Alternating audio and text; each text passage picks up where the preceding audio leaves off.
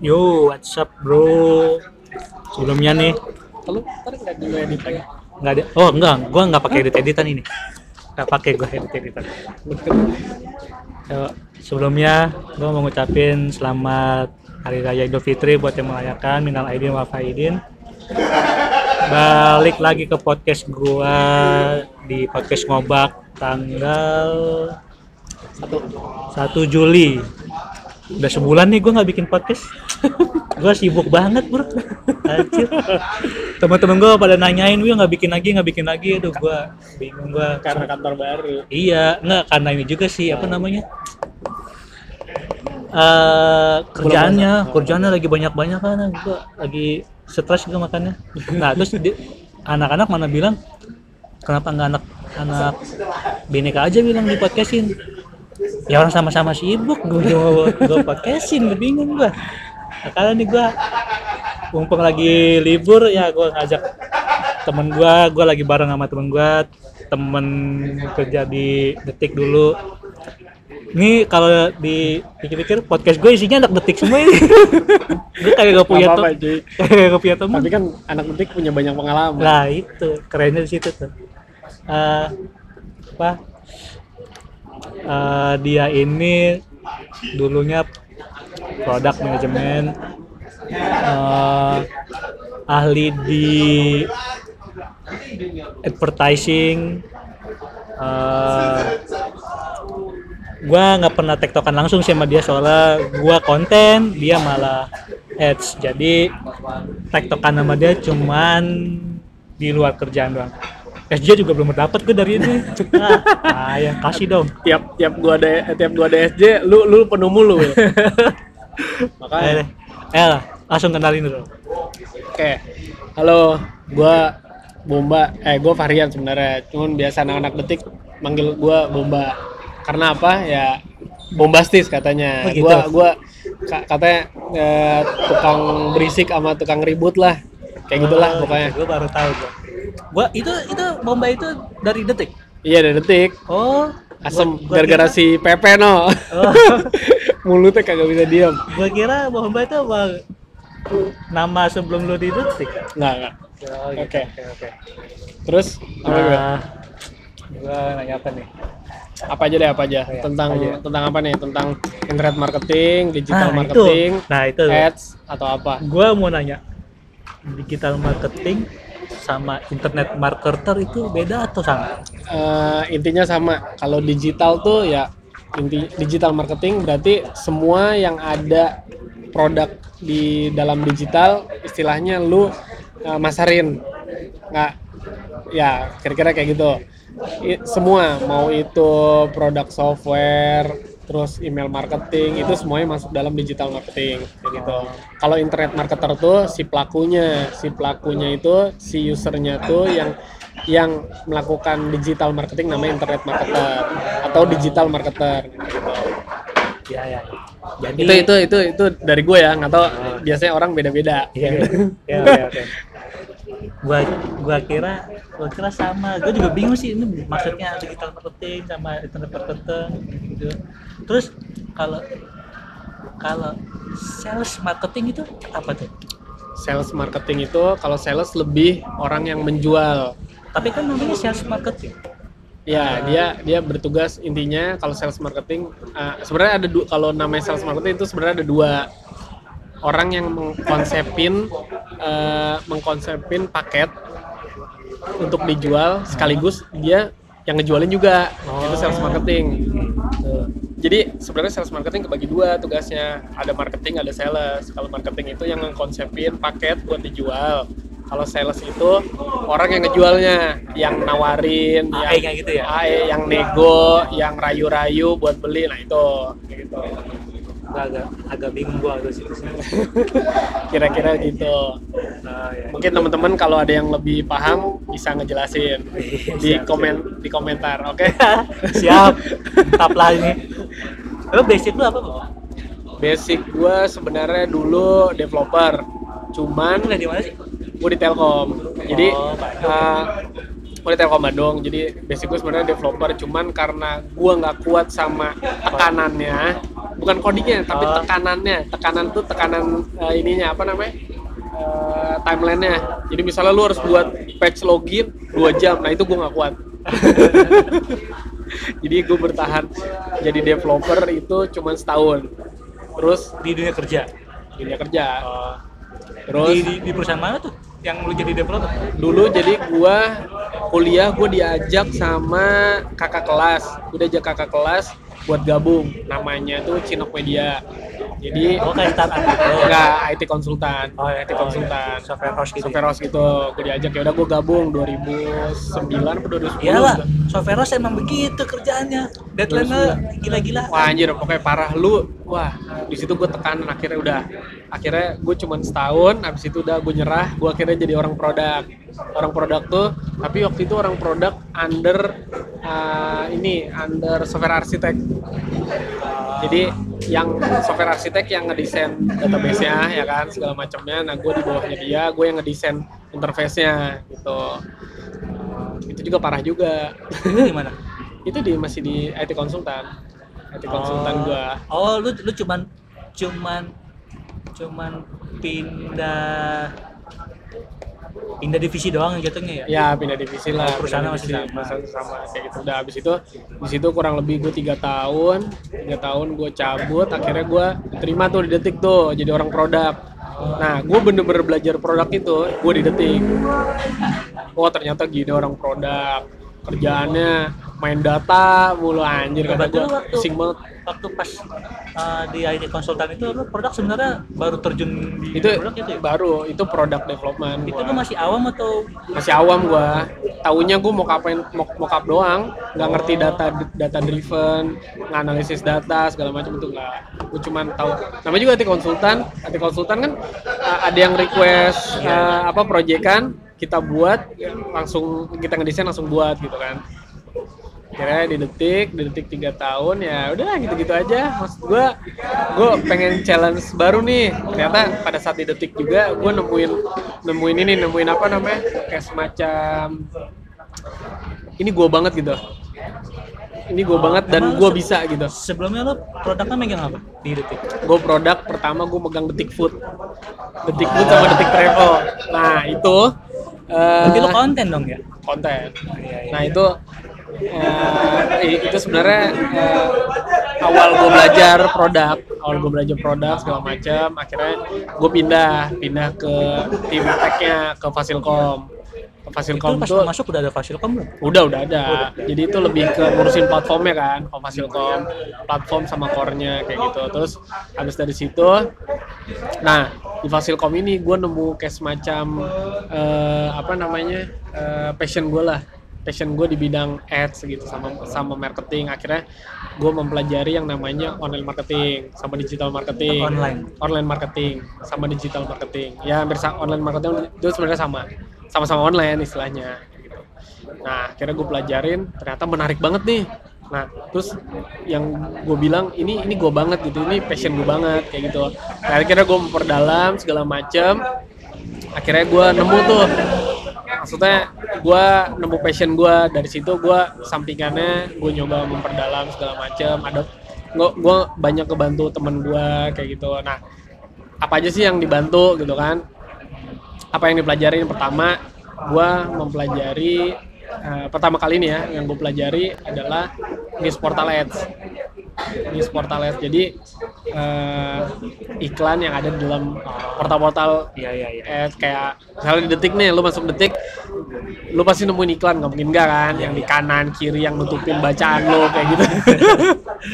Nah yang yang nutupin bacaan lo kayak gitu itu lama kelamaan udah ngilang. Soalnya kan orang pada pakai ad blocker kan? Oh, iya. nah. Tapi masih ada yang masih ada yang diakalin juga, Bung. apa?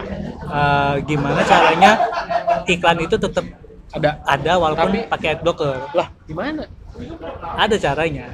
Eh, salah satunya ini penamaan file CSS sama JSA itu nggak boleh mengandung kata ads oh oke. dan lain-lain itu cuma salah ya, satunya. ya itu teknikal lah ya itu bisa ya itu salah satunya sih Ya, cuman banyak news portal yang ngakalin kayak gitu katanya nah ya itu lama kelamaan menghilang sih display ads. Cuman sekarang lebih ngarah ke native. Native tuh contohnya kalau di detik misalnya lu ngelihat eh, konten yang di list nipu lah itu itu menurutku juga nipu ya, iya, itu list, itu nipu list itu. artikel tiba-tiba di tengah ada iklan. Iklan Iya. berbentuk artikel. Nah itu namanya native. Iya itu itu itu nyelip di penipuan itu. Gitu. Anjir, Nah, iklan. terus native salah satunya di Facebook lu buka Facebook kan nah di Facebook di timeline lu suka ada yang namanya sponsor konten gue belum pernah nemu eh iya iya sponsor iya, konten iya, ada, di tengah-tengah iya ada, ada. tengah-tengah. nah itu namanya native Ya. Ya, kayak di pet pet juga ada nah pet ada Pet. nah yang namanya native itu itu istilahnya nggak tahu ya sampai sekarang belum ada ads blockernya Oh, soalnya itu gitu. mengandung konten Iya iya. iya. konten yang mengandung iklan kayak gitu Tunggu. Gua kalau buka detik eh, pakai ads ya Oh, tetap, tetap ada, ada, tetap ada ya. tetap ada native. Soalnya itu native. Kayak gitu. Terus eh, ya udah dari situ wah gue gue perkembangan ternyata oh ya ternyata native eh, eh, maksudnya ik- eh, iklan di portal gitu-gitu aja. Akhirnya gue mempelajari Facebook. Ternyata pas gue lihat Facebook uh perkembangannya kan 2004 2015 itu pesat banget ya. Maksudnya orang udah 2014 orang pakai Facebook lagi ya gitu kan. Gara-gara ada pilkada eh pilkada apa pilpres segala macam kayak Oh gitu dulu kan kan. sempet, dulu sempet Facebook turun ya. Nggak ada peminatnya. Ah, terus naik lagi karena ada pilpres segala macem hoax hoax segala macem terus akhirnya gue lihat dari sisi pos- positifnya kan. Lihat ih ini naik tapi oh ternyata di dalamnya ada ada ads nah orang tuh memanfaatkan uh, traffic tinggi Facebook lagi dari sisi bisnis itu manfaatin ads ads itu untuk jualan gitu nah Jualan. Kalau dari dari dari dari dari bisnis portal nih kayak kayak detik, hmm, dia ngeiklanin kontennya dia di Facebook gitu. oke ah. Nah, eh, si Pep, gue pernah nanya ke Pepe, eh, dia sebenarnya nggak suka sama apa tuh? Oh, instan artikel. Iya, instan artikel. Nah, karena Kata- trafficnya Iya, traffic sih dapet katanya, cuman bounce rate-nya itu berkurang. ya gitu. karena dia balik lagi ke Facebook Iya. karena cuma baca satu artikel Nah itu. nah itu dia Nah kan, tapi kan, tapi kan eh traffic tetap dapat. Nah yang masih yang masih tanda tanya di gue tuh itu. Eh, tapi gue gua gua nggak tahu deh kalau emang kebutuhannya dari setiap bisnis itu emang butuhnya di traffic doang atau butuhnya di apa sih kalau orang yang masih betah di masih betah ngunjungin website tuh namanya apa sih istilahnya referral Memang bounce rate ya namanya? ya? Bounce rate, Oh iya, itu. bounce rate. Ada Oh. ada ada perusahaan yang pengennya bounce rate itu tetap tinggi, ada ada perusahaan yang pengennya yang penting traffic gue tetap tetap tinggi ya nggak masalah gitu. Oh, Nah, ya. kalau orang orang digital marketing tuh enaknya gimana? Oh, kalau orang digital marketing itu sebenarnya lebih ke referralnya bukan bounce rate-nya. Kalau bounce rate itu kan Referral tuh maksudnya oh ini gue diklik dari mana? nah kayak gitu. Jadi kalau kalau bounce rate itu kan lebih ke konten. Jadi seberapa lama orang tinggal di website itu kan. Semakin dia eh semakin bounce rate-nya rendah, berarti orang semakin nyaman di situ gitu kan. Semakin banyak halaman yang dibuka. Cuman kalau orang digital marketing itu uh, lebih cenderung ke referral. Jadi misalnya uh, dari sosial media, makanya di sosial media itu suka ada konten-konten yang clickbaiting tuh loh. Jadi misalnya uh, nenek tua ini walaupun eh nenek ini walaupun sudah tua tetap umur 120 tahun tetapi masih bisa jalan. Mau tahu rahasianya klik di sini. Nah, itu salah satu clickbaiting. Jadi uh, apa uh, jadi uh, bikin orang penasaran buat ngeklik itu konten. Nah, itu sebenarnya. Jadi pada saat si orang itu ngeklik konten itu langsung direferalin ke website si itu tanpa instan artikel. Soalnya eh, kalau referral itu kalau di sosial media itu nggak pakai instan artikel, jadi langsung ke eh, websitenya. Nah dari situ biasanya di website itu ketika orang udah masuk website pasti gimana caranya orang itu harus bertahan di dalam website itu gitu entah kontennya konten konten relatednya dibanyakin atau di ah pokoknya segala macem lah kayak gitu gitu cuman kalau digital marketing karena digital marketing itu lebih ke sales ya apalagi online marketing kan itu lebih ke sales bukan Nah, kalau lebih ke sales itu eh, itu tujuan utamanya conversion. Conversion tuh contohnya eh, pembelian. Jadi ujung-ujungnya harus beli. oh Jadi misalnya nih, eh, lu will, lu lu buka Facebook lo, ya kan? Terus lu interest terhadap ko- kopi, kopi. Iya. Nah, terus tiba-tiba di timeline lu itu iya iya itu ada jualan kopi di timeline lu. nah Nah, ternyata itu iklan kopi. Terus lu karena lu interest terhadap kopi, lu beli, lu ngeklik iklan itu. ya Ngeklik iklan itu, gelarin kan ke website kopi itu kan. iya Nah, lu baca tuh di website di landing page-nya si kopi itu. Hah? Lu baca kontennya, tiba-tiba lu di apa namanya dihipnotis lah, dihipnotis salesnya. Akhirnya lu ngeklik sesuatu di situ, entah kontak number, entah uh, purchase, entah beli atau apa. Nah itu di- itu ketika lu ngeklik salah satu itu, itu uh, maksudnya langkah menuju conversion kayak gitu, langkah menuju beli. Nah kalau di kalau selama ini gue jalanin online marketing eh, tujuan utamanya conversion. Entah itu gue bisa dapet, eh, dapetin database, database kontak orang itu ataupun si orang itu beli gitu, beli produk gue. Gitu. Oke. Tapi kan kalau seandainya kalau seandainya dia ngeklik iklan kopi, terus kan berarti kan di website di landing page-nya kopi itu kan Hmm. eh, mau nggak mau harus ada daya tarik Iya, untuk iya. itu kan. sales letter namanya. Nah, itu tugasnya digital marketing atau beda? Nah, itu tuh salah satu tugas digital marketing. Salah satu tugas marketing itu merancang konten istilah- bisa dibilang konten marketing, bisa dibilang sales letter, bisa dibilang sales page. Dia harus ngerancang misalnya mulai dari eh, penjelasan produknya, terus eh, kekurang eh, kelebihan produknya, kekurangan eh kelebihan produknya daripada produk lain, terus manfaatnya segala macam sampai orang itu eh, memikat terus beli kayak gitu. Oh, berarti kayak ini ya, apa namanya? Bener-bener kayak lu ketemu sales langsung sama Ah. orangnya ya. Cuman ini lu di website. Nah, kayak gitu. Nah, eh, itu kalau itu ya eh, itu lebih ke produk. Beda sama news. Maksudnya itu lebih ke eh, sales produk. Kalau ke news itu kan eh, konten kan, konten kalau ini eh, sales produk gitu. Oh. Kalau gua soalnya tipe orang yang eh, kalau emang gua nggak mau nggak dan nggak tertarik sama itu produk, gua mendingan mendingan nolak dari awal. Soalnya gua kalau udah nyoba Masuk. masuk, Bakalan. Nah bakalan terjerumus dan nah, dan dan gue kayak kayak nggak sadar. Nah itu dia. makin terjerumus tapi ketika ketika gua sadar buat buat buat balik lagi tuh kayak susah banget gitu buat nolaknya lagi tuh kayak Nah, susah banget. Gua, nah, itu aja. di online marketing itu ketika lu udah ngeklik satu iklan atau interest terhadap uh, website itu itu hati-hati. Lu bisa di retargeting itu caranya? Di retargeting sampai lu beli itu produk. Nah itu caranya nah pakai gini. apa?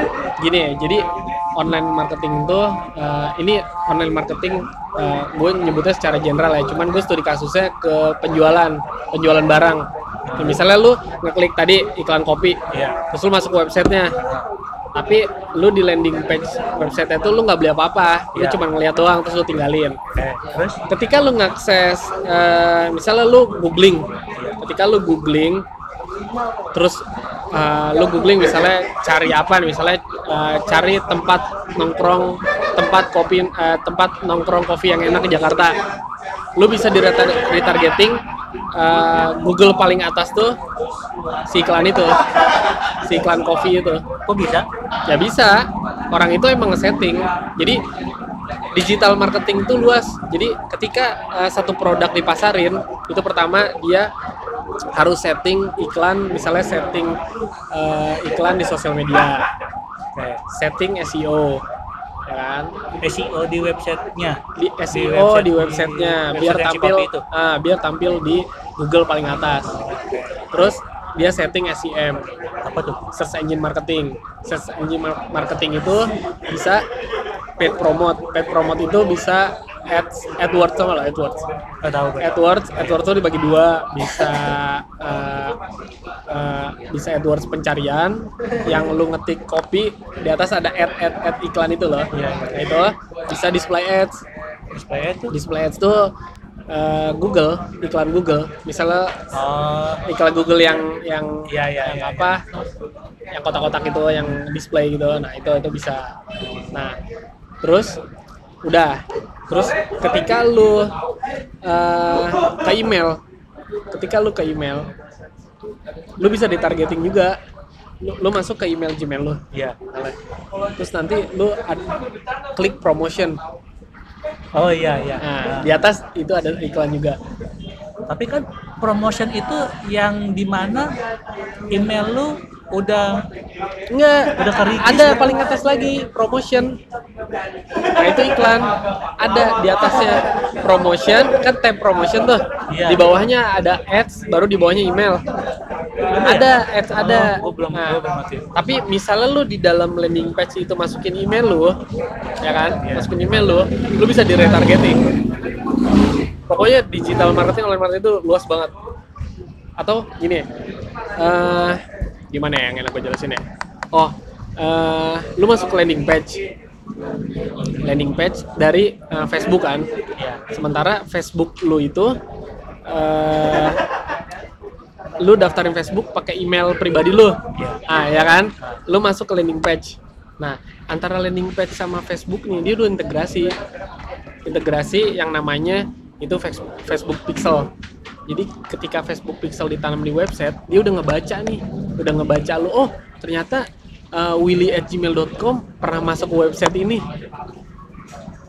Oke. pernah wa- masuk ke website ini. Nah, dia bisa nge-retargeting terus bisa otomatis email ke lu. Jadi nanti tiba-tiba di email lu ada penawaran terbatas eh, pembelian kopi sekian. Oke. Tapi Nah. itu nggak masuk ke inbox kan? Bisa masuk inbox. Masuk inbox. Masuk inbox. Karena lu kan udah register kopi, eh register email lu di Facebook lu. Iya, tapi kok nih, iya. Kan udah register Ah. email gue di Facebook kan. Ah. Terus gue nggak klik iklan Iklan kopi itu. Masuk ke website gue. Ah, ah. Website gue kan nggak Eh, masuk ke website kopi maksud Iya, lu. maksudnya Eh, kopi. misalkan gue yang gue yang punya website kopi. Ah. Nah, website kopi gue ini kan nggak nggak ngapa-ngapain nggak nggak ngedapetin ngedapetin email Data. ingin ngedapetin Ada. data email nggak? Ada. Ah, ada. Karena udah diintegrasin yang namanya namanya Facebook Pixel. Kayak Facebook Pixel tuh jadi naruh source code di mana nge-grab data lu. Oh. Jadi eh, ini permainan data sih Will, permainan data. Jadi ketika eh, itu itu bahaya juga zaman sekarang. Bahkan gue ya eh, contoh nih, gue lagi chatting sama adik gue mengenai AC rusak di WA. AC AC eh, AC di rumah rusak ya kayak gitu kan segala macam. Terus 10 menit gue buka Facebook kan. Muncul apa coba? AC. Muncul iklan tukang servis AC. Percaya nggak percaya sih gua. Serius. Terus udah gitu kan. Eh, terus gua eh, sama istri sama istri gua eh, istri gua minta jemput. Lagi hujan. Kata gua ah udah naik taksi aja atau naik eh, grab car atau gokar gitu kan. Udah terus nanggung nih lagi ngerjain kerjaan. Terus 15 menit gue buka Facebook. Anjir muncul iklan itu. Percaya nggak percaya sih Will gue tapi kalau soal masalah data gue percaya. Integrasi data itu soalnya apa? Sekarang kan eh, Facebook, WhatsApp, Instagram semua kan saling terintegrasi datanya. Jadi apa yang kita bicarain ini apa yang lu tektokan sama gua via WhatsApp itu kerekam semua. Jadi intinya sama online marketing atau digital marketing tuh wah itu ilmunya parah juga ya nih ya kan? Lu nggak bisa ke mana-mana kan kalau udah kejebak misalnya lu ud- udah masuk ke landing page kopi tuh pertama lu di wilayah Google lu udah ke, udah kekepung. Lu nyari kopi muncul iklan yang landing page kopi tadi. Lu akses blog-blog blog-blogin blog apa namanya? Blogspot blogspot gitu yang ada iklan Google-nya muncul iklan kopi itu lagi. Jadi lu udah dikepung. Terus lu masuk ke email lu dikirimin newsletter newsletter kopi lagi. Lu pindah ke sosial media lu dapat iklan kopi lagi. Pokoknya it- itu namanya retargeting. Retargeting selama eh, ada batas tertentu sih retargeting. Misal dalam satu bulan lu ngakses ngakses dalam satu bulan itu lu bakal retargeting terus sampai lu beli Nah, sampai belinya itu emang bisa ketahuan. bisa ketahuan bisa kedetek. Sampai misalnya lu aduh anjir gue bosen nih ditawarin iklan-iklan di mana akhirnya lu masuk ke website terus lu purchase kan lu beli kan. ketika lu beli itu namanya conversion. Jadi ada logic atau ada ada di mana ketika lu beli itu udah iklannya berhenti. Bisa kayak gitu. Tapi ketika lu belum ngeklik beli-beli itu sampai atau sampai lu transfer itu iklan bakal nge-retargeting lu terus Nah, itu permainannya itu dari sisi teknik atau emang dari sisi digital marketingnya aja? dari sisi digital marketing kayak gitu. Oh, gua kira gua kira tim technya itu bikin bikin bikin satu script yang oh kalau email ini udah Enggak, beli enggak, itu udah otomatis. Oh, udah Semua otomatis itu udah ada aplikasinya. Jadi eh nah, kali-kali ini lebih parah Will. Ini bener-bener yang bikin conversion tinggi banget. Jadi eh, di Facebook gue jualan kopi nih. Jualan kopi. Eh, terus gue nge-targeting lo yang suka minum kopi. Akhirnya muncul kan di timeline lo.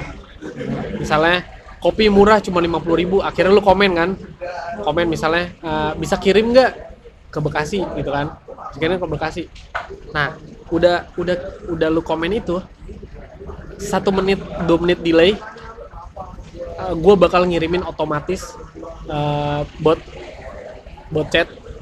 Itu ngirimin otomatis ke eh, messenger lu inbox. Otomatis. Itu itu di mana? Aplikasi apa? ada aplikasinya baru. Oh, ngirimin otomatis ke messenger lo pertama. Kedua ngirimin ke SMS lo SMS eh, ngirimin SMS ke handphone lo kalau kalau SMS gua masih bisa nangkep eh, logikanya. Cuma kalau messenger messenger apa? Masa tiba-tiba ada ada ada ada messenger bot? ini me- messenger Facebook. Oh, messenger, messenger me- in Facebook. Messenger Facebook nah itu itu itu otomatis kayak gitu. Nah itu itu lumayan sih. Ibaratnya kayak CS lah customer service otomatis gitu kayak chatbot gitu. Gitu. nah itu gue lagi sekarang lagi nge-testing gitu pengen lihat performnya gimana conversionnya gimana. Baru beberapa hari ini lumayan sih responnya. Jadi istilahnya dari iklan yang gue spend sehari cuma 50.000 ribu itu bisa balik omset sehari 200 sampai 300 ribu kayak gitu retargeting itu mainnya di mana? retargeting itu banyak bisa di Google bisa di sosial media gitu kalau sosial media itu sekarang lebih ke kayak Facebook Instagram Mas, maksud gua eh, sosial medianya cuman baru maksud gua sa- sosial media tuh baru yang main retargeting baru Facebook doang. hmm. Iya, gua gua pernah ngeliat dashboard dashboard Facebook Ads Manager. Iya, Ads Manager. Manager. Cuma kalau Instagram ada juga dashboardnya. Instagram itu kan bagian dari Facebook jadi semuanya tuh disatuin di Oh, Ads dashboardnya Manager di dalam- di Ads Manager, Oh, Ads Manager. Jadi jadi lu ketika lu pengen masang iklan, lu masuk ke Ads Manager, Ads Manager Facebook, lu ngiklan bisa di beberapa posisi. Misalnya lu mau di Facebook apa di Instagram, gitu kan? Atau di eh, apa namanya tuh? eh, eh, aduh gue lupa pokoknya bentar bentar gue lupa. Oh ads network ads network Facebook. Facebook juga punya ads network tau nggak lah ads network? Kayak Google gitu.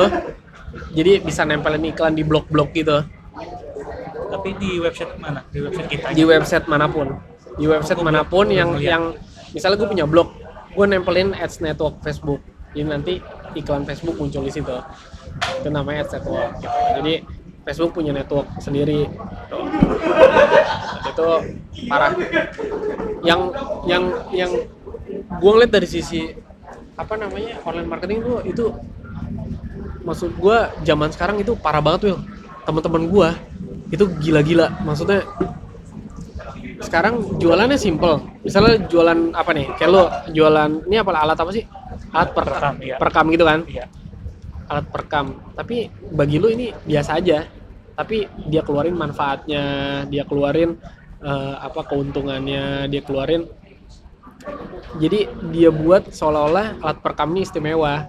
Dan terus dia nargetin ke orang-orang yang butuh kayak lu. Kayak gitu. Nah targeting ini ini lu bisa targetin di iklannya misalnya iklannya AdWords iklannya eh, Facebook Ads Manager nah itu lu bisa targeting berdasarkan interest Itu ada range waktunya. ada Misalkan ada gue range-nya cuman eh apa gue nge-retargetin cuma sebulan. Lebih dari sebulan berarti gue udah nggak ngirimin apa-apa ke dia. Iya, gitu. ya betul. Bisa, itu bisa, itu bisa, itu bisa. Gitu. Makanya, pokoknya sekarang kalau terhadap produk tuh hati-hati banget lah. Misalnya, kalau lu ngeklik salah satu iklan, lu bakal diincar terus sama iklan itu. Sampai lu bener-bener beli atau istilahnya ya, pokoknya intinya sampai lu ngelakuin conversion aja. Nah itu aja. Gitu. Eh, apa lagi? Eh, kalau misalkan kalau misalkan gua gua gua login di salah satu e-commerce dengan email email willy at gmail.com Nah, terus? terus gue nyari barang Hmm. nyari barang di e-commerce itu Hmm. Nah, cuma nyari tok nah ketika gua buka sosial media gua Hmm. tapi kan emailnya beda tapi kok gue masih dapat Nah, masih dapat eh, barang yang tadi gue cari gitu. Nah, itu namanya retargeting. ya tapi kan emailnya beda Itu namanya retargeting dynamic product. Tapi nih, kenapa bisa ada? Karena e-commerce itu nempelin source code namanya pixel.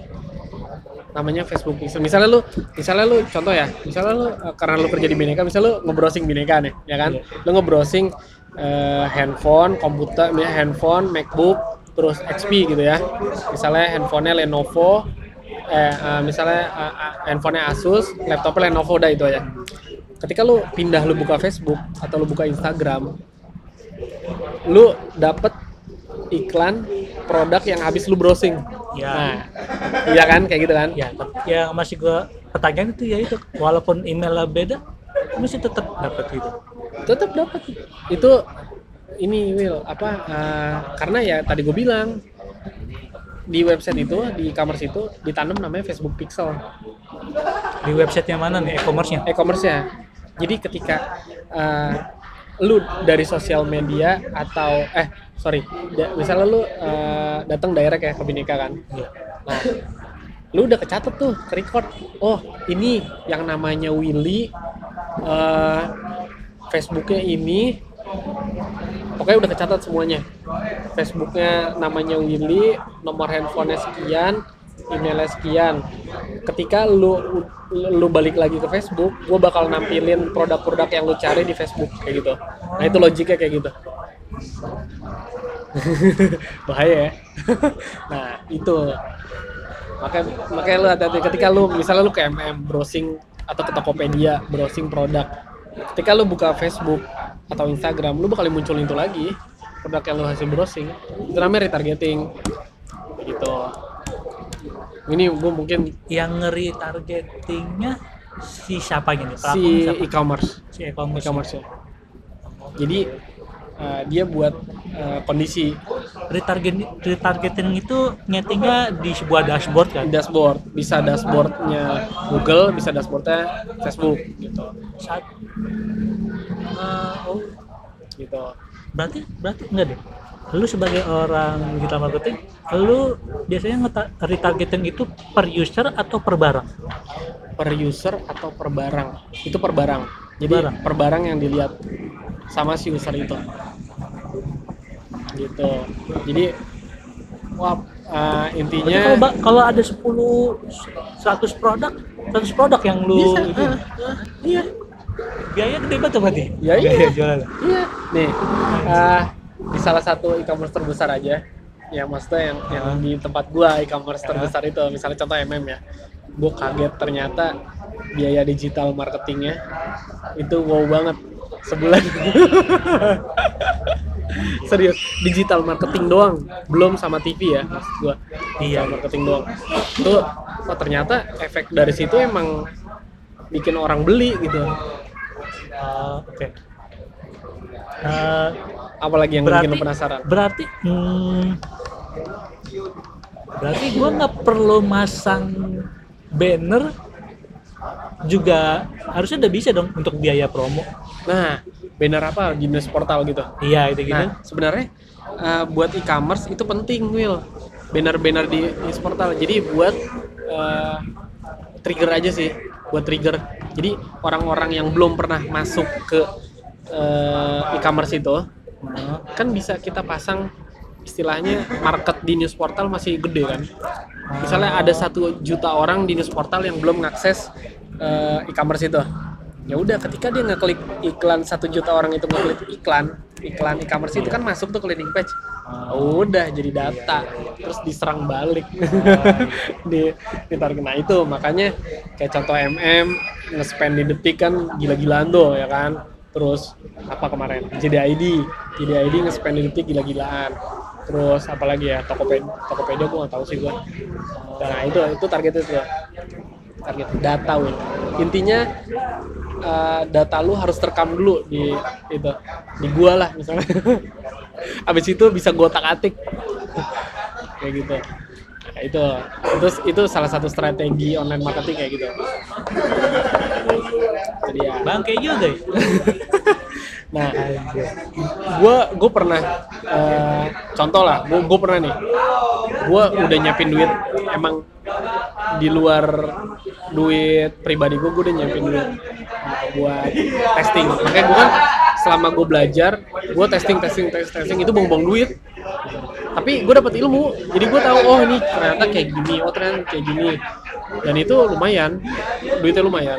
Maksud gue, gue jadi tahu gitu. Gue pernah produk-produknya biasa aja lah sebenarnya.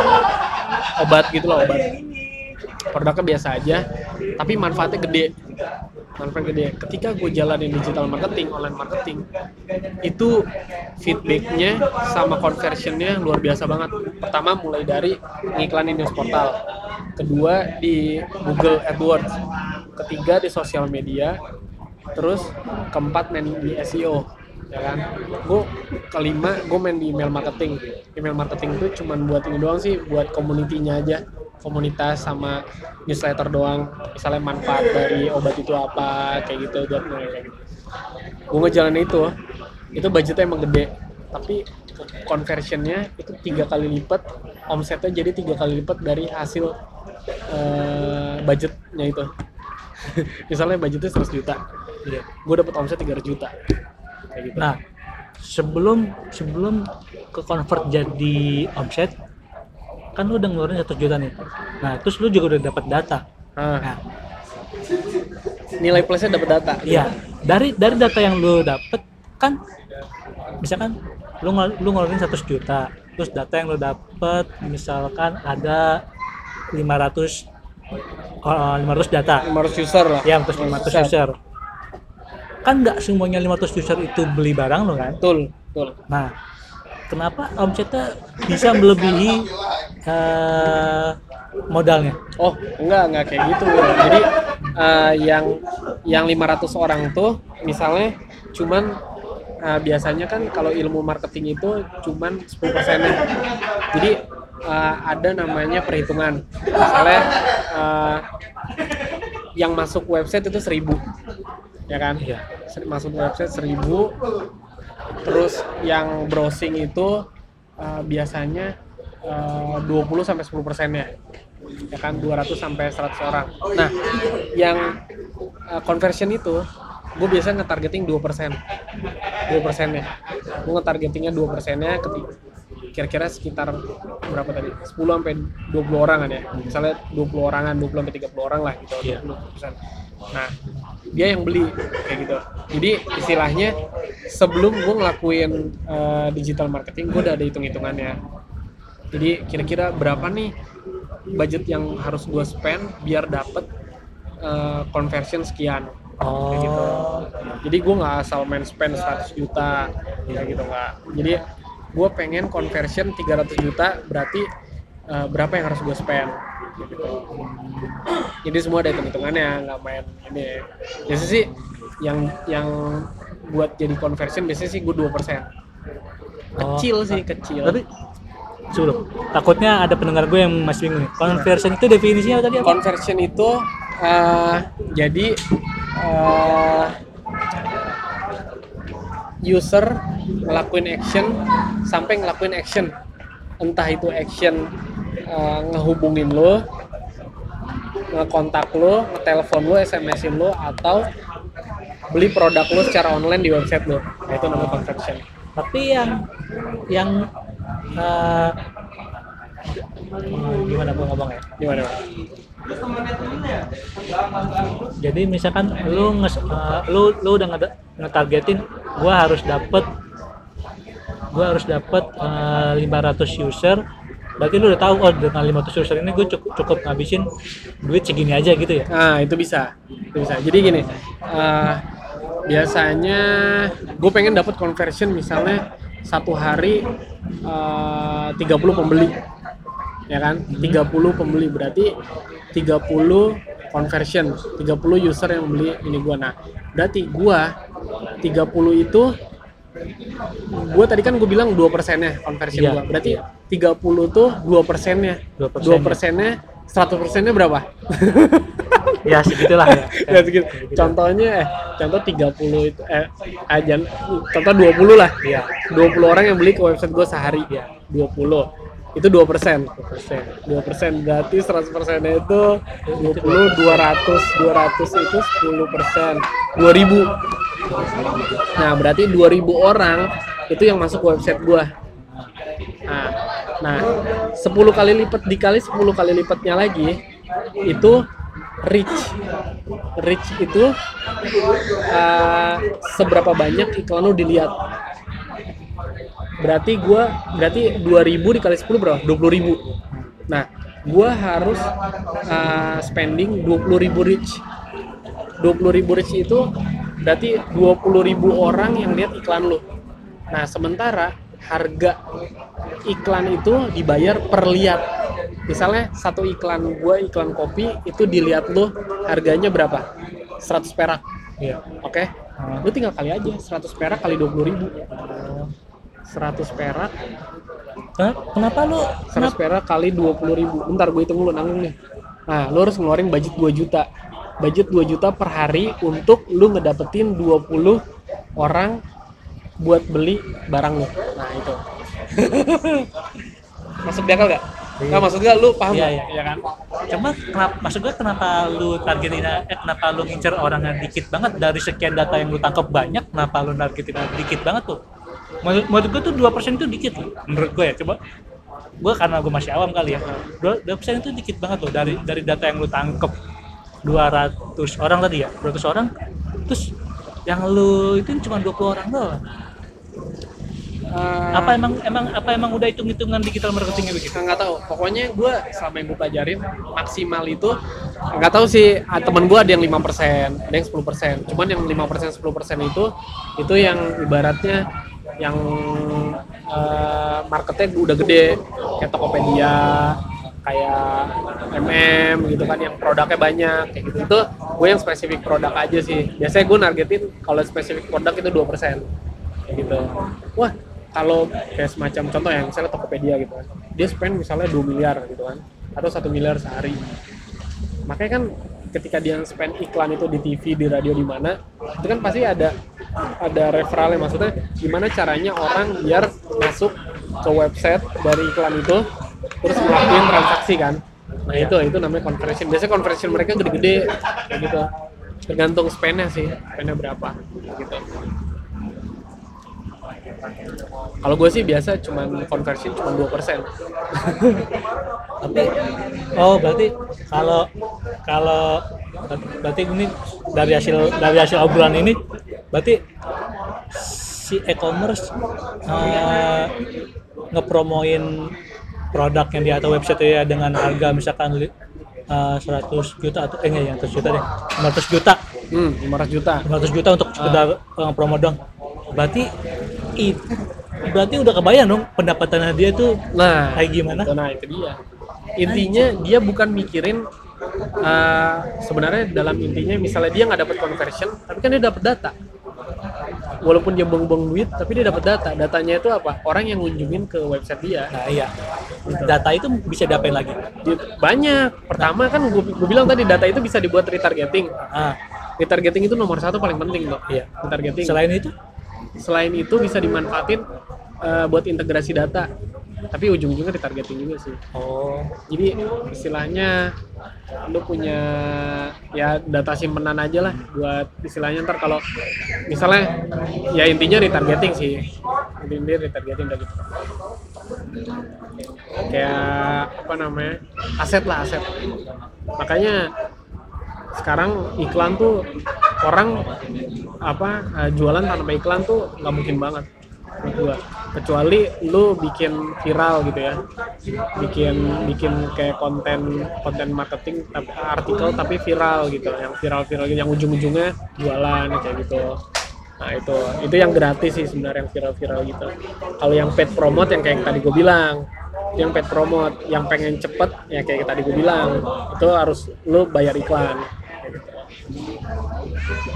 Ah, kalau kalau e-commerce yang udah nggak bakar-bakar uang Hmm. Berarti itu dengan kata lain datanya data user udah kepegang banyak banget sama dia. Wah, jadi banyak banget, jadi coy. dengan kata lain ah gua nggak perlu bakar uang lagi lah orang data udah banyak banget ini yang pegang bisa bisa kayak gitu bisa. Contohnya apa ya? Agak deh nggak usah. Nggak enak lah. Nggak enak ntar kedengeran Ya, ya, ya. yang lain. Ya, ada gua ada ada. Oh. ada jadi ada e-commerce yang dulunya meledak ledakin iklan sekarang udah berhenti sama sekali. Dia berarti udah dapat banyak banget dia data udah ya? punya banyak data dan melakukan retargeting kayak gitu. Dan dia sekarang dulu main di TV radio segala macam ya. Sekarang dia cuma main digital marketing doang. Kayak gitu. Jadi semua orang-orang offline itu udah keserap semua. Ah. data-data udah keserap dia tinggal main di digital marketing doang. Main retargeting udah punya datanya. Dan itu sekarang datanya udah jutaan udah jutaan. Parah. Kayak gitu. Kacau. Makanya gue sekarang masih memperdalam nih. Masih masih belajar belajar belajar. Walaupun kadang apa namanya berhenti karena kehabisan duit. Itu lu eh, bisa bisa mulai tertarik sama itu. Kan tadi kan lu bilang karena ah passion gue di sini kayaknya nih. Karena ini passion gue emang awalnya dagang. Karena gue emang suka jualan. sebelum lu jadi IT sebelum atau ya pokoknya dari dulu aja gue emang suka jualan. Dan ketika gue nemu eh, nemu apa namanya nemu strategi jualan yang terbaru yang sekarang. Wah menurut gue menarik banget kayak gitu. Dan orang semua kan lu punya handphone smartphone kan? Pasti zaman sekarang orang nggak mungkin nggak pakai smartphone cuy. 200 300 ribu aja udah udah jadi smartphone kan bahkan tukang jamu aja sekarang pakai smartphone tukang apa ketoprak kan pakai smartphone kan? Nah itu dia. Makanya sekarang ketika eh, lu ada proyekan lu mendingan bikin aplikasi mobile atau lu bikin apa eh, website versi mobile aja menurut gua. Karena itu lebih efektif daripada lu pusing-pusing di desktop kan. Gue juga sebenarnya kalau ditanya passion passion gue bukan IT sih. Apaan? Dagang gue tuh dari dagang. dari Nah. dari SMP gue emang udah suka jualan. Cuman cuman untuk jadi gedenya itu gue belum bisa. Hmm, kayaknya sih balik lagi ke modal nah. Nah Ya, ya ada nggak ada nggak yang eh aku mau dagang nih. Eh, modalnya di- kalau dibilang ada modal ya nggak ada. Nah. Itu gimana untuk memulainya kalau lu udah niat dagang zaman sekarang mah dagang bisa nggak pakai modal Will kayak gua. Gua dagang nggak pernah pakai modal. Tapi yang dimodalin itu ik- iklannya doang. Maksud gue cara gimana masarin sama eh, jualinnya doang. Kalau barangnya gue nggak pernah modal. Tapi gue pakai sistem dropship kalau dropship. Jadi dropship itu eh, gue nyuruh si penjualnya ngirimin ke pembeli gue atas nama gue itu dropship. Kayak gitu. Jadi gue gue pertama gue pinjem dulu. Nih nih nih, nih kisah gue yang kemarin-kemarin ya yang sebelum barang gue gue gue jualan dropship jadi gue pinjem barangnya. Barang si dagangan itu gue foto-fotoin sendiri terus gue balikin. Terus gue masarin. Masarin pakai strategi yang tadi. Di sosial media di eh, di di mesin pencarian. Pokoknya semua kategori barang itu gua gua kepung lah istilahnya. Di misalnya di Google ketika orang nyari barang itu di halaman pertama itu isinya dagangan gue semua. Istilahnya itu namanya kepung pasar. SEO Berarti lu dengan kata lain nih kayak kayak yang tadi kalau yang gue tangkap misalkan gue punya punya toko handphone. Nah, nah terus lu masarin handphone handphone gua. Nah, terus ada yang tertarik nih sama yang lu pasarin. Nah. orang itu beli di lu. Terus lu ng- ngabarin gua Will eh, gua mau beli handphone lu taruh di alamat ini nah. eh lu ke guanya gimana Hah? Eh, lu bayar bayar ke yang punya ini toko gimana kan lu kan jatuhnya dropship tuh nah. nah si pembeli kan ngasih uangnya kan ke lu Nah. habis itu lu baru ngasih ke yang punya toko Iya, gitu, nyuruh uangnya. toko kayak gitu. Hmm, kayak gitu. Nah, tapi itu kalau dropship itu lo harus kepercayaan sama si punya tokonya. Takutnya dia ngirimin atas nama si tokonya, bukan atas nama lu. Kayak gitu. Nah, makanya kalau yang dropship itu wajib tes dulu. Dites dulu. Jadi eh, lu beli dulu. Lu lu misalnya dropship sama orang yang baru dikenal nih, ya kan? Sama toko yang baru dikenal. Lu tes dulu, kirimin. Nah, eh, mau tanya kan bisa dropship kan nih Ta- tapi eh, ini gue udah pesanan kirimin dong atas nama gue ya. Padahal lu ngirimin ke diri lu sendiri maksudnya nge-testing kan ya tapi alamatnya yang berbeda gitu kan. Jujur nggak dia? Misalnya jujur oke boleh. Tapi misalnya nggak jujur nggak usah. Itu dropship yang kedua sistem kepercayaan sih. Jadi ada yang mesen kita baru mesen ke orang itu kita beli kayak gitu. Kayak siapa? Yang si di detik itu yang yang jual, sering jualan? Oh, Siapa? Ian, Ian. ya Ian. Ian tuh gue jujur dia dia di- dia gue pernah diskusi sama dia. Dia itu jualan tanpa modal sama sekali. Cuman modal kepercayaan. Nah jadi gini dia pertama eh, pinjem barangnya. Pinjem barangnya dari toko itu. Dia pinjem 2 sama 3 lah ya. Terus dia masarin kan di detik kan. Misalnya headphone nih cuy gue ada headphone baru nih cobain deh. Wih enak. Berapa harganya misalnya? Eh, di toko harga 100 ribu. Dia naikin misalnya 150 ribu gitu kan. Harganya 150 ribu. Lu mau nggak? Ntar eh, besok gua besok gua kasih barangnya. Oh iya mau dong mau dong. Nah udah. Akhirnya eh, duitnya Nah, terus eh, lu duitnya mau sekarang apa? Besok aja? Oh ya, besok aja misalnya. Ya udah, berarti si Ian tuh nalangin dulu. Nalangin dulu ke toko itu atau eh, dia bilang, "Eh, gua ambil lu barangnya ya, nanti gua bayar ya." Gitu. Itu model itu namanya kepercayaan. Nah, Ian itu udah ngejalanin itu, itu udah bertahun-tahun. Dia ke setiap toko model kepercayaan gitu. Itu lumayan untuknya gede banget ya. Serius, parah. Dan itu nggak butuh modal kan gue bilang. Gue selama ini ngeremehin Rian gue Wih, parah banget Rian berarti gue Parah banget. Itu gue pernah diskusi sama dia. Selama ini eh, selama dia jualan di detik itu nggak pernah pakai modal. Dia modal kepercayaan doang. Dan dia ilmu itu dia udah jalannya terus dia sebarin ke, rata-rata ke anak-anak UI. Dia kan base camp di UI tuh, Iya. di psikolog UI kan, eh fisik UI kan. Dia nge-sharing itu ke anak-anak UI dan itu ternyata emang bagus maksud gua jadiin pelajaran gitu buat orang misalnya yang anak kos-kosan nggak punya duit tapi bingung mau ngapain gitu. ya udah modal kepercayaan gitu yang tadi gue bilang makanya dia kan eh, lu butuh apa Will, eh, lu butuh apa Will? Gue gue butuh ini nih, Mos. Oh iya, gue ada nih. Langsung dia nunjukin handphonenya kan. nih Will, ada yang kayak gini Will, ada yang gini. Lu yang mana gitu. Di depan itu foto di toko cuy. Dia foto di toko. Terus dia masarin buat istilahnya semua dagangan dia ada di handphone itu. Kenapa dia nggak beralih kayak lu, ibar- Ibaratnya kan dia masih offline nih, kenapa nggak di Nah, itu sayangnya, sayangnya itu. Harusnya ya harusnya dia berkembang ke online sih. Di online tuh udah parah banget. Cuman karena basic dia sales, maksudnya dia kan pernah jadi sales Detik kan. Karena basic dia sales dan bertatap muka, mungkin itu emang eh, dia nyamannya di situ gitu. Makanya sekarang tuh eh, oh iya ada satu lagi gue cerita. Apa? Teman gue dia digital marketing juga online marketing. Eh, tapi apa coba? Di Jogja di desa gitu Will jadi dia eh, beli tanah di desa gitu. Beli tanah di desa terus dia ngebangun rumah di situ. Ternyata isinya apa? Isinya pelaku online marketing semua jadi di desa itu nah di desa itu dia buat eh, eh, kantor. Eh, kurang lebih ada 90 karyawan. Apa coba? Cuman dagang dagang online udah dan dagang online-nya nggak ada barang. Semuanya dropship.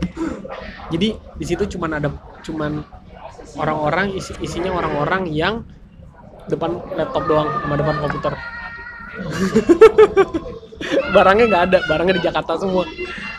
Dan itu semua dropship itu ada 90 orang Will di desa itu. Gila banget kata. 90 orang dan omsetnya udah miliaran. Gila. Dia dalam 90 orang itu ada 4 apa 5 online shop gitu.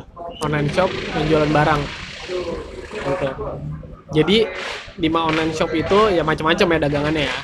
Terus terus nah di situ strateginya ada satu advertiser tiga CS jadi advertiser tuh yang mikirin yang tadi gue bilang eh, marketingnya.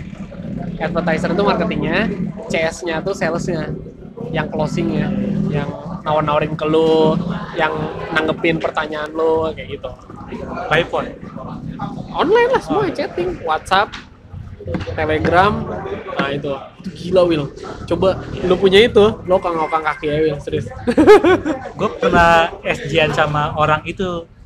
Maksudnya pelaku itu. Oh gue tahu gue tahu. Itu temen deket kita kan? Iya gue salah satunya salah satunya. gue pernah SG-an sama pelaku itu. Nah, salah satu itu temen kita. Nah, gue tahu gue tahu. gue jadi tahu oh eh, nah sekarang sekarang nih ya eh, misalkan berarti dia harus tahu harga pasaran juga dong? Harus lah. Nah masa iya dia ngejualin dengan eh, harga harga toko segitu terus dia ngejualin gila-gilaan? Nggak mungkin dong.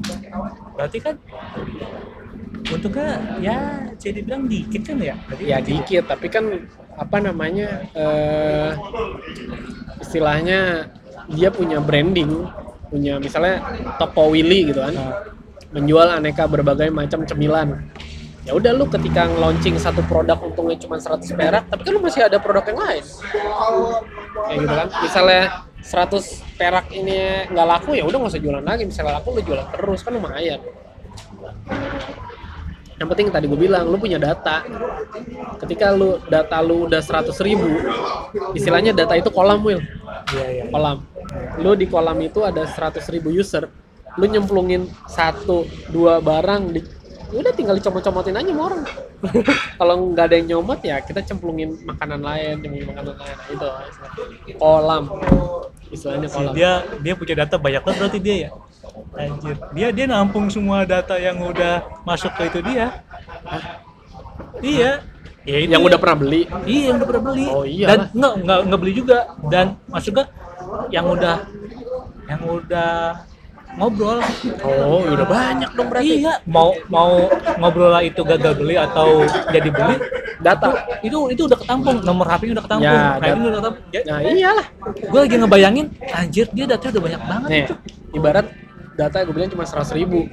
Lo tiba-tiba ada barang baru nih terus lo foto kan langsung depan situ Ya, lo tapi- sebarin ke orang itu pasti nggak mungkin nggak ada yang nyangkut nyangkut satu persen pun. Iya, iya. Tapi kan bisa aja bisa aja gini loh. apa Gua keganggu gitu loh.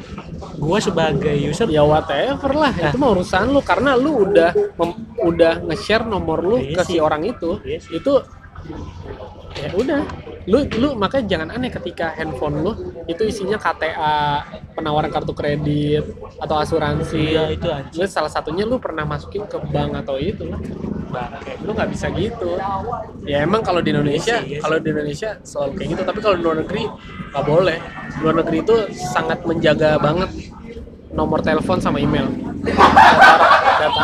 Berarti dunia digital marketing ini nggak berlaku di luar dong? iya di Indonesia parah. Karena Indonesia jual beli data cuy. Pernah ada Will? Nih eh, fanpage isinya tuh sekitar udah jutaan lah yang like. Hah? itu dijual. Dijual dan dijual ke orang dan itu orang itu cuma butuhin datanya doang. Bukan si brand fanpage-nya itu. Parah banget. Dan eh, lu kalau mau tahu yang sekarang di dunia politik juga kan fanpage si itu siapa? John Doe tuh oh iya gue tahu. Itu udah dijual. Itu udah dijual. Sengaja. Bu jadi bukan pelaku orangnya.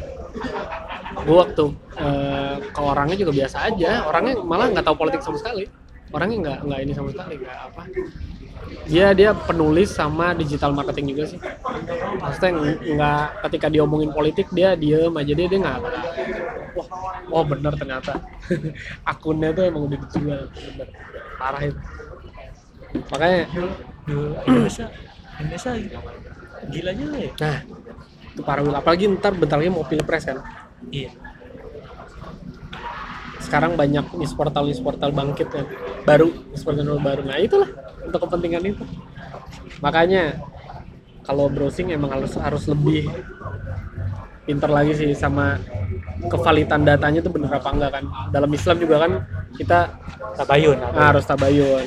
Jadi jangan jadi pelakunya juga gitu buat nge-share yang berita yang bener udah bener ini atau bahaya.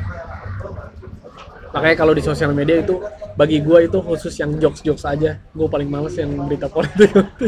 ah gue karena karena di sosial media itu itu datanya mempersempit pikiran lu. Ketika lu nge-share satu tentang politik, maka lu bakal ditampilin uh, newsfeed lu tentang politik juga. Karena itu interest lu. Gitu. Jadi pikiran lu makin makin sempit. Ya udah semakin sempit pikiran lu, ya udah lu semakin interest terhadap sama kayak temen lu bum temen-temen lu yang di proman dah Oh iya, sama ya. sempit banget Iya iya makanya itu. Ya Gitu-gitu gitu lah. aja. Ya gitu lah. Gitu lah makanya bahaya Wil hati-hati Wil. gila gila gila gila eh iya yang ini kan lu pernah bilang ke gue ya lu punya toko offline eh, lu punya toko offline Hmm. sini kasih ke gue biar gue ramein itu toko Ah, itu caranya gimana nah, gua kan akhir-akhir ini lagi ngebantu UKM-UKM nih. iya UKM-UKM yang istilahnya yang yang punya toko Ah, lebih ke toko offline. iya Toko offline di mana misalnya dia udah modal banyak, misalnya nyewa ruko atau nyewa kios tapi tokonya nggak laku-laku. Contohnya misalnya kayak jualan alat-alat sport atau jualan makanan, restoran tapi nggak laku sepi gitu kan kasihan gitu kan. Makanya kadang-kadang gue nawarin ke mereka eh, jasanya gratis, dia cuma modalin doang. Modalin iklannya biasanya. Kalau jasa ngedesain semua gratis dari gua kayak gitu. Nah, gue biasa nawarin kayak gitu. nah itu pakai cara yang apa yang retargetin gitu Kalau gua kalau untuk UKM gue lebih ke sosial media. Tapi tergantung dulu, tergantung tergantung barangnya apa. Kalau makanan gue sosial media. Tapi kalau eh, misalnya eh, barang-barang kebutuhan itu gue lebih ke pencarian. Oh, gitu ke Google. ya kalau makanan berarti lu kan ke sosial media. Nah Ya, di sosial media ini berarti lagi-lagi di dashboard ads Facebook ya itu? Ya, lu cuma ngeiklan-iklanin doang? Ya, gitu. Eh, di mana eh, eh lu eh, ada makanan baru nih. Hmm. itu eh, berupa landing page atau apa atau Enggak, cuma sosial media aja. cuma jadi jadi, banner doang? jadi jadi gini, UKM itu nanti biasanya kan pakai jasa gua. iya Eh, ya udah eh, gua buatin fanpage, biasa fanpage atau IG dia milih, milih yang mana. Mau apa nih? Mau fanpage apa IG? Udah seralu lah biasanya kalau seralu kalau pengen cepet naik omsetnya biasa IG gua. Tapi tergantung makanannya. Kalau makanan anak muda banget gua IG. Tapi kalau makanannya general misalnya kayak ya kalangan kalangan dari tua sampai muda ada. muda gitu. Gue biasa Facebook kayak gitu. Nah kayak gitu. Dari situ gue pernah nolongin teman gue dia udah modal gede lumayan oh kan berarti di di IG sama di fanpage itu cuma sekedar informasi letak toko doang? Ya letak toko sama gambar-gambar makanannya yang bikin orang ngiler gitu nah sekarang kan orang kan sistemnya kalau di sosial media kan orang harus ditunjukin dulu bukan nyari kan. Tunjukin gambar ih kayak misalnya istri lu kan lagi ngidam gitu kan. Iya. wih tadi nih ngelihat iklan bakso kayaknya enak banget nih yuk ke sana yuk kan deket rumah. Nah itu hati-hati itu iklan gua tuh. Nah, Eh, gitu. iklan iklan. Maksudnya tadi lu bilang iklan lu lu berarti nge- nge-retargeting juga dong? Iya Oh, yang iya. yang letak letak alamatnya nih nggak jauh dari iya, toko iya, ini iya, bisa, usianya bisa, segini iya gitu. bisa bisa gue retargeting atau nih misalnya dia jualan apa ya? Eh, oh baru nih. Eh, baru gue lagi nanganin. Jualan eh, eh, nasi betutu. Ayam nasi betutu Bali. Nasi betutu Bali tapi di Padang. Aneh kan? Jualan di Padang. Di Padang ini baru jadinya. Jadi ada nasi betutu uh, temen gue jualan di situ pertama kan betutu itu pedes. Nah orang Padang itu suka pedes bener gak Iya. nah ya udah gue targetin aja.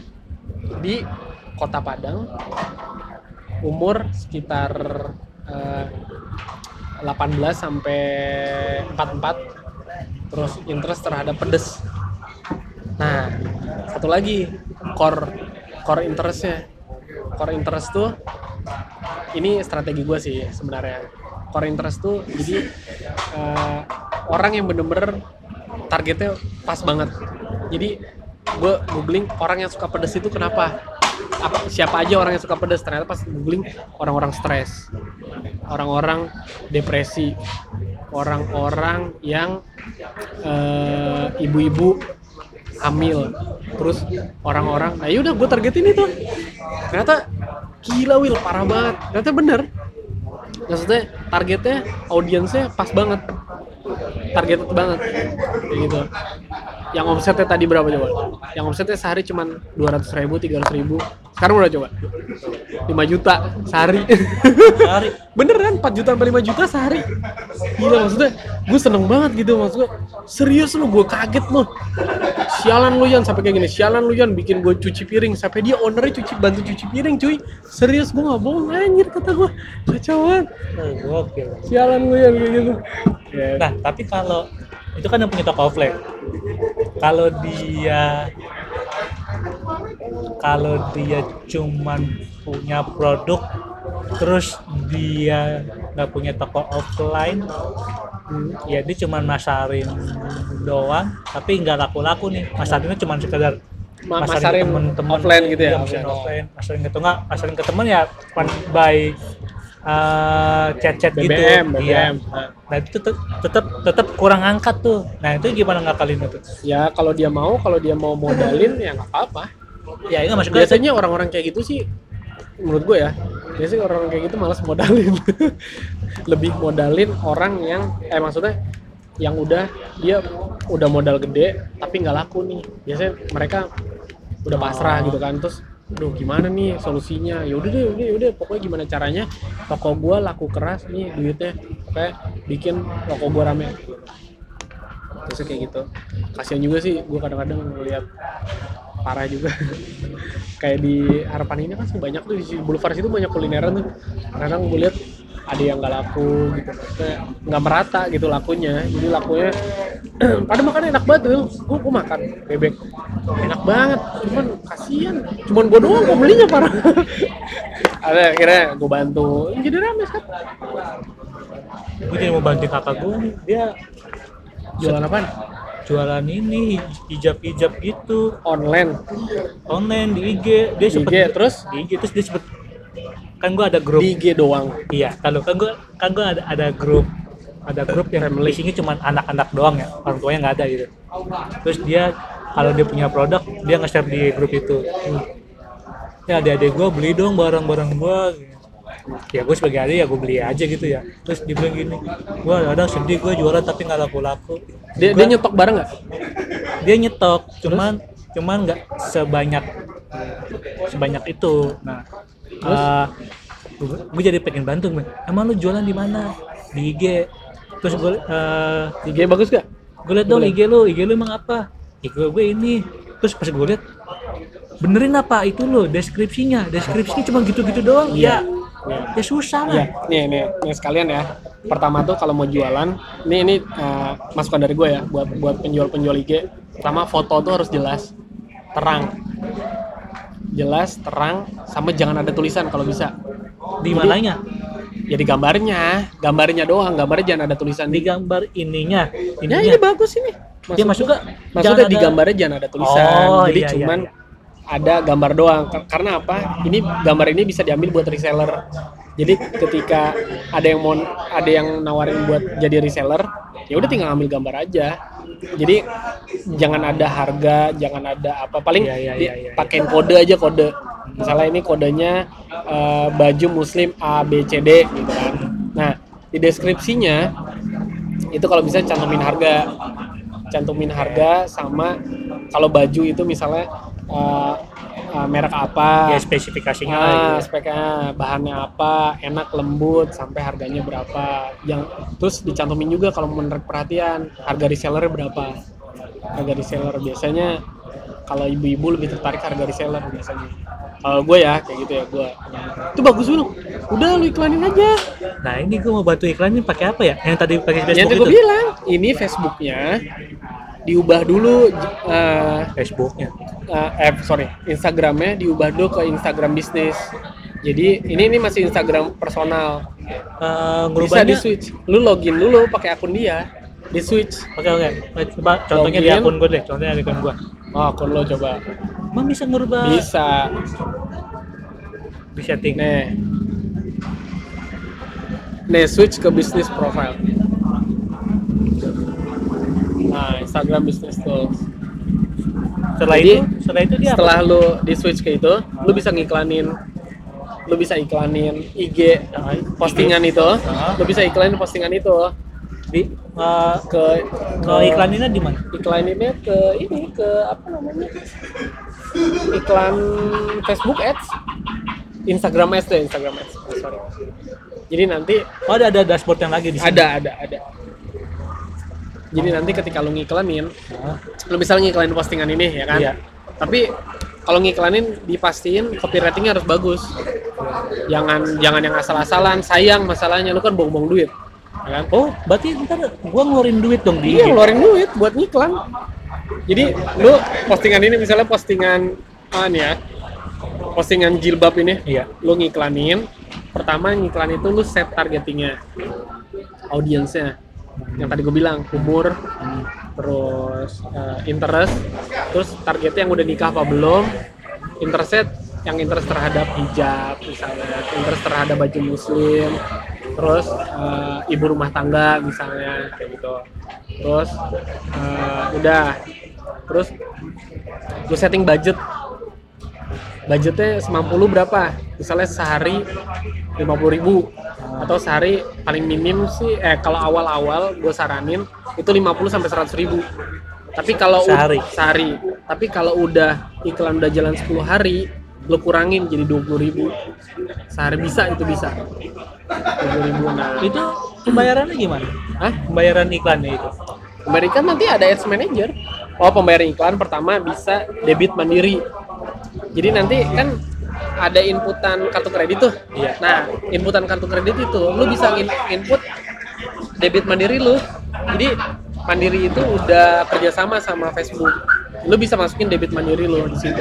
Jadi nomor ketika nomor apa nomor ATM-nya nomor ATM ya, iya. Oh. Jadi ketika iklan misalnya tagihan nih sehari 50.000 nanti ngedebit otomatis dari ATM lo. oh Jadi sekarang udah nggak perlu permasalahin lagi masalah kartu kredit gitu udah nggak. Jadi bisa AT bisa bayar deposit. Pertama bisa deposit atau debit mandiri. depositnya ngirimnya ke mana Pakai virtual account nanti. Jadi lu mau deposit berapa? Misalnya dua ratus ribu, ya kan dua ribu ya udah nanti lu via ATM bersama bayarnya. Oh, nah itu setelah di setelah di eh, Iklanin. iklanin, ini munculnya di sini di timeline. Iya di timeline orang yang sesuai audience targeting lu. Mantep banget kan? Timeline IG nih. Nah iya itu. Anjing, Brodo. sepatu. eh. Gue kayaknya nggak nge-like nge-like sepatu ini kan. Enggak, tapi lu eh, tapi lu interest terhadap sepatu atau interest terhadap apalah pokoknya kayak gitu. Di sini nggak ada keterangan sih. Eh sorry sorry. Ya, kenapa nih? Oh. Nggak ada harus di desktop. Oh, di desktopnya Instagram. Nggak, ntar gue jelasin di desktop. Kalau di mobile susah penjelasannya. Jadi kenapa lu bisa dapat iklan ini? Gitu. Tadi maksudnya di desktop desktop mana maksudnya? Eh, laptop Iya, Bisa di dilihat. websitenya apa? di website Instagram bisa. Oh, Kenapa ya? lu bisa dapat atau di website Facebook lah kenapa lu bisa dapat iklan ini? Gitu. Kenapa misalnya lo termasuk bagian umur yang ditargeting si Oke. ini Oke, nih, Brodo. Sa- seandainya gue interest sama sepatu nih, Nah, terus oh, oh gue suka nih sama ini nih.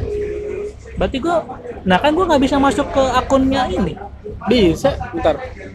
Nah, Oh, ini namanya uh, referral link.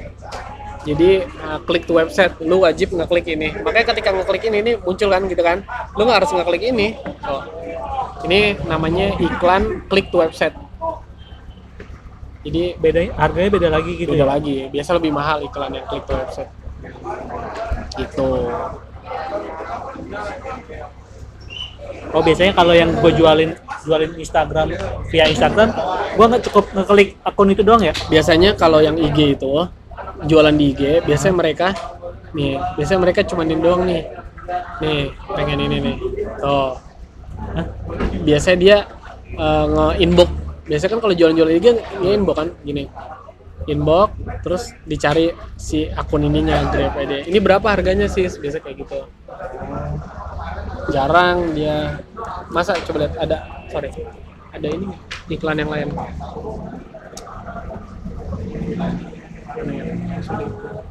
Nih Zalora nih. Misalnya ini ya. Lu bisa komen ya kan? Bisa komen. Komen di komen langsung di postingan ya Oh, komen ya kan? Iya. bisa lu inbox. Misalnya ini apa? Zalora ya? Ini apa sih? Zalora kan lu bisa Zalora nih. Sis ini berapa harganya? Udah. Ketika lo inbox udah nge-attachment postingan ini jadi tahu kan oh ini ada yang nanyain postingan ini. Canggih banget kan? Dimudahkan banget lu buat bertransaksi cuy. Gitu.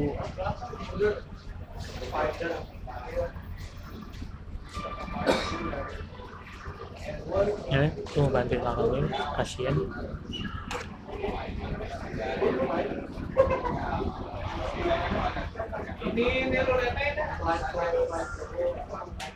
Sampai. Ya, ya, ya. Oke, oke. Kasihan gue kadang ada gitu.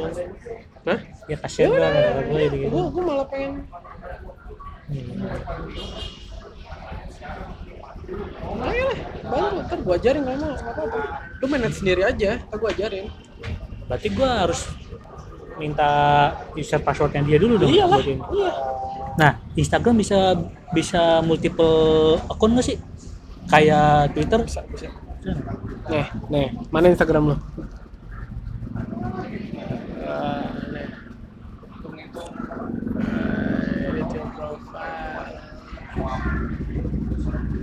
Eh, sorry Try Instagram Business Tool. Apa lagi? ya yang tadi lu ubah itu lu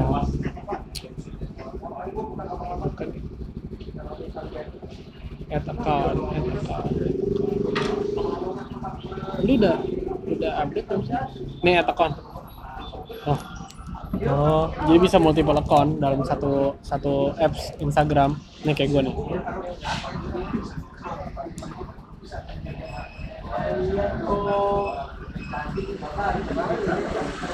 Ya.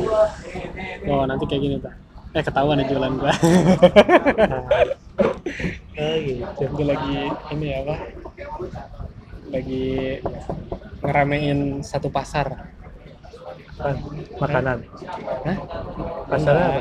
Yang tadi pasar yang tadi lu nggak lihat? Gak ngeliat gue sepintas. Eh, lah nih, kelas tahu dah, tapi lu jadi gimana? Tahu kan? Yang di situ. Iya. Iya. Gue lagi ngeramein. Mau ngeramein doang. Jadi ramenya di sana, gue jualan sendiri tapi barang-barang dari sana. Jadi cuman nge-branding doang gua. oh bukan bukan dropship gitu kali. Enggak. Enggak. Cuma ngeramein doang.